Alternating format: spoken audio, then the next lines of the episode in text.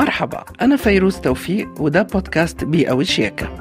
بنحاول ندور على حلول بسيطة لمساعدة البيئة في الشفاء من الآثار الجانبية لحياتنا الاستهلاكية. تابعونا على موقع مونتي كارلو الدولية وتطبيقات البودكاست. على البساطة.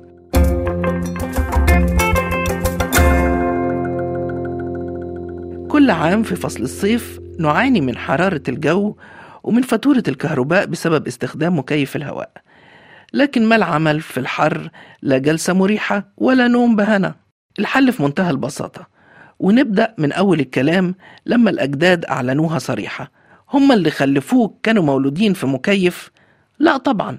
الناس في سالف العصر والأوان كانوا بيغلقوا النوافذ في النهار لمنع الحرارة والصهد من دخول البيت. ويفتحوها بعد غروب الشمس للسماح بالنسيم الليل يرطب الجو.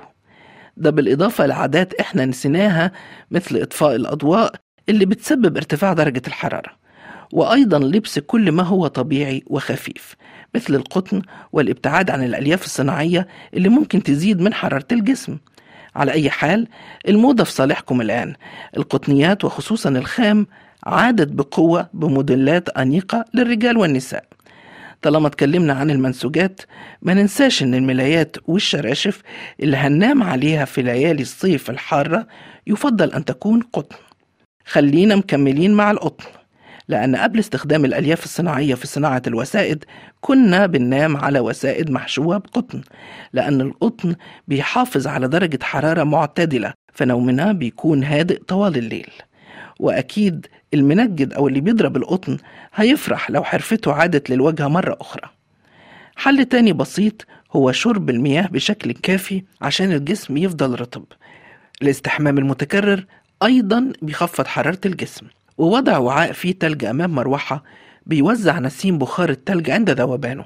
في مروحة أخرى كنت هنسى أكلمكم عنها مروحة المطبخ والحمام. ومهمة المراوح دي شفط وطرد الرطوبة والحرارة. ممكن الاستعانة بيهم في الأيام الحر. ولو كنتم من أصحاب الحظ السعيد ومنزلكم فيه واجهتين متقابلتين إذا فتح الشبابيك المتقابلة بتسمح بمرور تيار هواء لطيف. لكن ما تنسوش تخلوا الستائر مسدلة لأن الستائر بتقلل الحرارة بنسبة 35% أما بالنسبة للحرارة داخل المنزل اللي بيكون سببها الطهي لساعات وتشغيل الفرن يستحسن نغير نظامنا الغذائي في الصيف ونقضيها جبنة وزيتون ونتعشى بطاطا.